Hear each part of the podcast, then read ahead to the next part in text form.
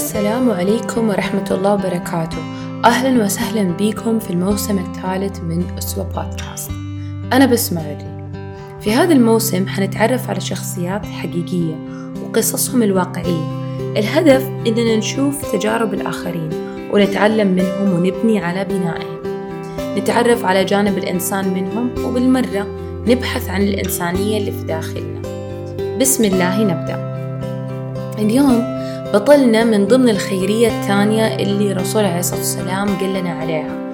أنتوا عارفين حديث الرسول عليه الصلاة والسلام لما قال خير القرون قرني ثم الذين يلونهم ثم الذين يلونهم ثم الذين يلونهم. ففي ثلاثة خيرية آه، آه، الرسول عليه السلام أخبر عنها.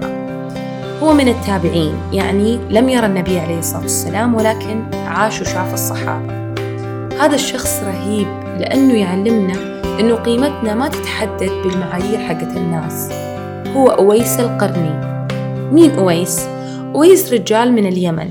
كان يتيم أبوه ميت وهو طفل. وكانت أمه ضريرة ما تشوف. أسرته فقيرة جدا جدا جدا. بعض الأحيان الواحد يشعر إنه ما عنده شيء يتميز فيه. يعني يمكن below average ما عنده حاجة تخليه إنسان مرة رهيب أو إنسان الناس تنظر له نظرة إنه أوه واو والله عنده الإمكانيات الفلانية أو الفرص الفلانية. لكن أويس القرني عكس كذا. أويس قرر إنه يستخدم الشيء اللي عنده. إيش عنده؟ عنده أم. والأم يا جماعة عبارة عن ما أعرف إيش أقول كأنه كأنه حصالة حسنات طول ما الأم عايشة وطول ما الإنسان يقدر يبر في أمه كأنه كأنه أكاونتر حصالة بس قاعدة تتعبى تتعبى تتعبى حسنات طول الوقت. سبحان الله. بر الأم تفتح له الأبواب المغلقة. قرر أويس إنه يخدم أمه ويتميز بخدمتها. يعني مو خدمة عادية مو بر طبيعي لا. يعني over and beyond الشيء المطلوب منه.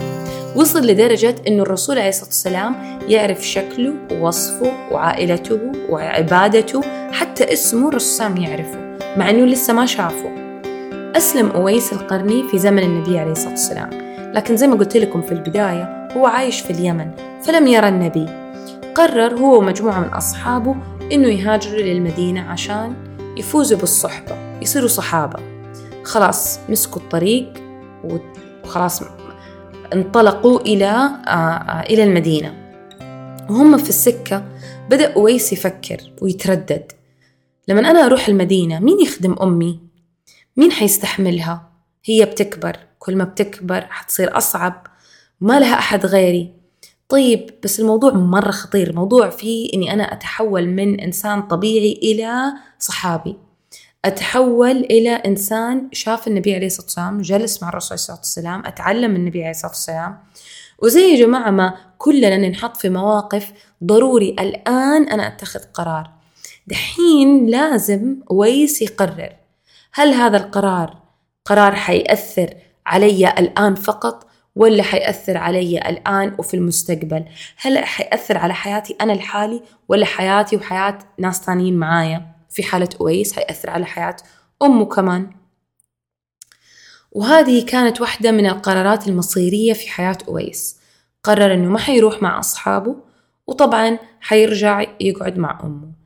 الطبيعي إنه أصحابه انفجعوا. كيف حتتنازل عن صحبة النبي عليه الصلاة والسلام؟ وهو مسكين يحاول يشرح لهم ترى أمي ما لها غيري. ترى ترى صعب إني أنا أتركها.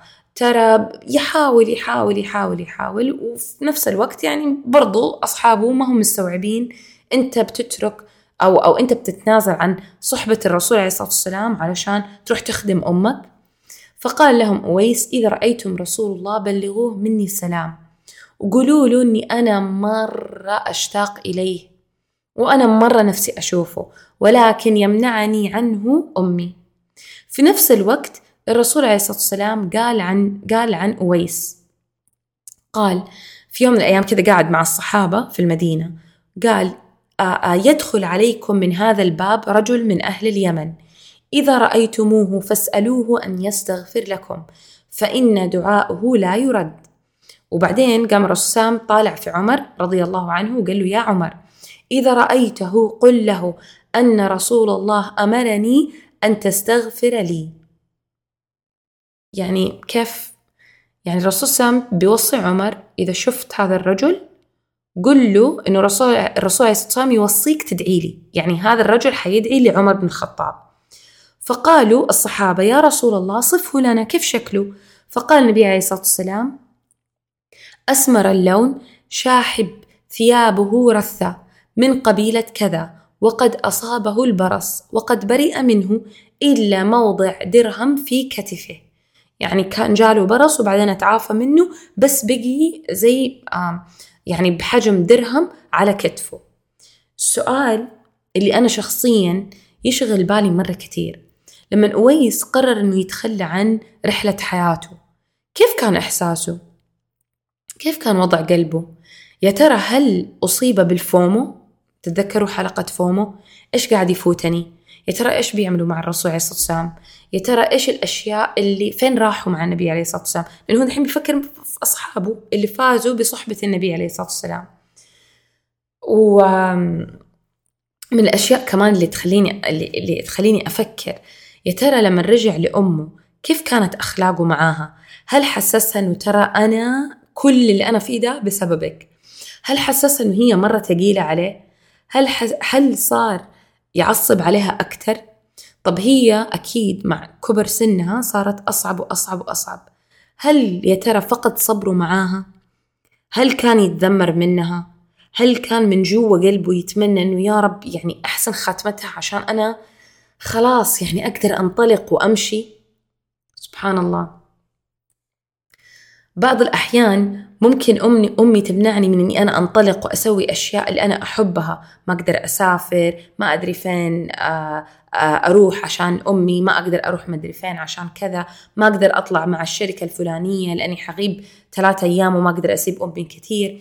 بعض الأحيان شيء صغير تافه لكن أبغى أكل من مكان معين وماما مثلا يوجع بطنها ما تتحمله ولا ما تحبه وهذه الأشياء الصغيرة مرة تضايق مرة مرة تضايق كيف ممكن تخرب علي؟ يا ترى هل أويس كان عنده نفس المشاكل؟ هل أويس كان يواجه نفس التحديات؟ لأنه أمه تقريبا تكنيكلي واقفة في طريقه في كل شيء أكبرها وأعظمها من إنه يكون صحابي هذا طبعا بمنظورنا إحنا يا جماعة طيب آم كمان واحدة من الأشياء اللي كنت أفكر فيها آه يا ترى لما يطبخ ويغسل ويكوي ويرتب وينظف كيف كان شعوره؟ لأنه لا تنسى هو هو شباب.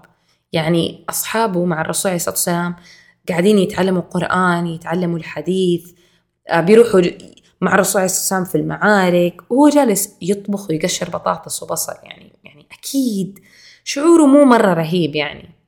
المهم مرت فترة من الزمن ومات النبي عليه الصلاة والسلام. ومات الصديق وجاء زمن عمر بن الخطاب. عمر كان مرة حريص ما نسي وصية النبي عليه الصلاة والسلام. إذا رأيته أطلب منه أن يدعو لك. كان عمر يبحث في كل في كل سنة في الحج بين الحجاج آه، اللي جايين من اليمن عن أويس. مرت ثمانية سنين على خلافة الفاروق ثمانية سنين. وبعد ثمانية سنين من خلافة عمر ماتت أم أويس القرني. ممتاز. فرصة.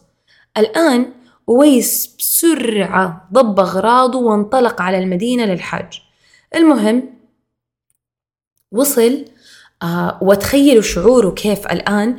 آه, آه، شعوره أصلا بذاته مرة عادي. أنا إنسان عادي كنت حروح للمدينة آه، آه، أصاحب النبي عليه الصلاة والسلام ولكن ما زبطت معايا. جاء زمن الصديق الآن زمن عمر وأنا دحين يا دوبك بس أبغى أروح أعمل الحج حقي وأرجع. يعني ما يحس إنه إنسان رهيب وإنه أمير المؤمنين حريص إنه يقابله هو ما يعرف عن ذا الكلام. لأنه حياته كلها في خدمة أمه. المهم آه باقي الشباب كلهم يعني أجان شعور أويس القرني بذاته إنه هو below average. Versus الشباب اللي هم أصحابه اللي جاهد مع النبي عليه الصلاة والسلام اللي تعلم القرآن على يد النبي عليه الصلاة والسلام اللي صاحب النبي عليه الصلاة والسلام. وزي كل سنة دخل عمر بن الخطاب لخيمة في خيمة أهل اليمن وبدأ ينادي أفيكم أويس؟ الناس مرة مستغربين قالوا يا عمر أنت تبحث عن أويس أويس يعني أويس ده ما غيره أويس القرني؟ قال عمر نعم أنا بدور على أويس القرني. فقال واحد من اللي موجودين. أيوة أويس موجود معانا السنة دي يا عمر. فعمر بن الخطاب تحمس وقال دلوني عليه فينه فينه؟ تخيل لما الفاروق يبحث عن just a regular person بني آدم مرة عادي. يبحث عن أويس القرني. أول ما شاف أويس قال أنت أويس؟ فقام قال له أويس أيوة أنا. فقال من قبيلة قرن؟ قال نعم أيوة أنا. فعمر قاعد يقول له أصابك برص ثم شفيت؟ قال نعم. ولم يبقى منه أثر إلا علامة على كتفك؟ فأويس يعني how awkward. يعني مرة غريب. قال أويس نعم. يعني بس أنت كيف تعرف الكلام ده؟ يعني غريب. فقال عمر أرنيها أبغى أشوفها. فبعدين قال له عمر يا أويس ألك أم؟ قال نعم ولكنها ماتت. فقال عمر نعم ماتت. ما كان لك أن تتركها وتأتي فقد أخبرنا عنك رسول الله وعن برك في أمك. فأويس انفجع قال أخبر أخبر رسول الله عني أنا؟ يعني أنا أنا؟ جابني باسمي أنا؟ فقال نعم لقد وصفك شكلك ولونك وحياتك وعبادتك وقبيلتك. وقال آآ آآ وقال لنا أنك تقي خفي. فثم قال له قال عمر بعدين يا أويس أستحلفك بالله أن تدعو لي وتستغفر لي. أبغاك تتخيل معايا بس شوية كيف شعور عمر وهو بيسأل أويس إنه يدعي له. وكيف أويس شعوره وأمير المؤمنين بيقول له أستحلفك بالله إنك تدعي لي. أويس طول عمره يحس إنه هو أقل. طول عمره يحس إنه أنا يعني أنا أم جست إنسان طبيعي عادي جدا. سبحان الله ولكن أويس إنسان مرة إيجابي. أويس نيته مضبوطة من البداية. أنا أبغى ربنا يكون راضي عني. نقطة. هذا هو. فرفع يده أويس وبدأ يدعي. اللهم اغفر لأمير المؤمنين. Which is very awkward يعني يعني تخيل شعوره وهو قاعد يدعي لأمير المؤمنين. فبكى عمر وقال الحمد لله الحمد لله. وأخذ بيد أويس وأخذ يطوف به بين الناس يمشي بين الناس. ماسك أويس ويعرف الناس هذا أويس القرني هذا الذي أخبرنا عنه رسول الله. ثم قال عمر يا أويس أعطيك الثياب. فقال أويس لا يا أمير المؤمنين عندي ما أبغى. قال يا أويس أعطيك المال. فقال يا أمير المؤمنين لا أحتاج ما أحتاج. فقال عمر يا أويس أمكث معنا. لا تعود إلى اليمن خليك قاعد معانا. فقال أويس يا أمير المؤمنين الناس هنا الآن تعرفني. الرسول صلى الله عليه وسلم لما وصف أويس قال عنه أنه تقي خفي. ما يحب يكون under spotlights ما يحب يكون the center of attention. فقال ولكن سأذهب إلى الكوفة في العراق حيث لا يعرفني أحد أنا أروح الكوفة منها مكان أتعلم فيه ومنها مكان أقدر يعني أعيش فيه أتعلم بدون ما الناس تأشر علي هذا الإنسان اللي الرسول صلى الله عليه وسلم تكلم عنه. المهم راح للكوفة وحتبدأ حياته يعني صفحة مرحلة جديدة أو تشابتر جديد في حياته في الكوفة. لو تتذكروا في البداية هو أسلوبه في الحياة بشكل عام واضح. كيف أقدر أفوز برضا ربنا؟ هذه أول نقطة. ثاني نقطة هو يعرف أنه مجاب الدعوة. إذا الرسول صلى قال لعمر إذا لقيته فاسأله, فاسأله أن يدعو لك. طب ممتاز يا أويس إيش حتطلب؟ اطلب فلوس اطلب قصر اطلب زوجة صحة عافية شهرة مال سعادة. كلها أشياء طيبة وحلوة. لكن أويس زي ما قلت لكم يعرف بالضبط هو إيش يبغى. فقال اللهم اقبضني إليك شهيدا. وكان دائما يدعي ذا الدعاء سبحان ربي المجيب. استجاب له الله سبحانه وتعالى ومات شهيد في معركة صفين سنة 36 من الهجرة. ويس القرني علمني إني لا إني ما أستصغر شيء. أنا ما أعرف الخير فين ولا أعرف الله سبحانه وتعالى يتقبل أي أعمال وإيش وزن العمل هذا عند عند الله سبحانه وتعالى. تعلمت من أويس إنه في معيار للشهرة والمكانة والعظمة. آآ آه، آآ آه، هذا معيار وفي معيار آخر اللي هو معيار إحنا ما نعرفه ولا نقدر نقيسه اللي هو معيار السماء.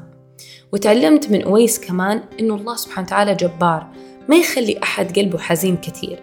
أويس طول عمره يحس إنه أقل لأنه فاتوا أشياء مرة مهمة وأشياء مرة كبيرة. لكن عشان الله سبحانه وتعالى جبار يخلي عمر يطلب منه إنه يستغفر له. وبكده نكون وصلنا لآخر الحلقة. سبحانك اللهم بحمدك أشهد أن لا إله إلا أنت أستغفرك وأتوب إليك.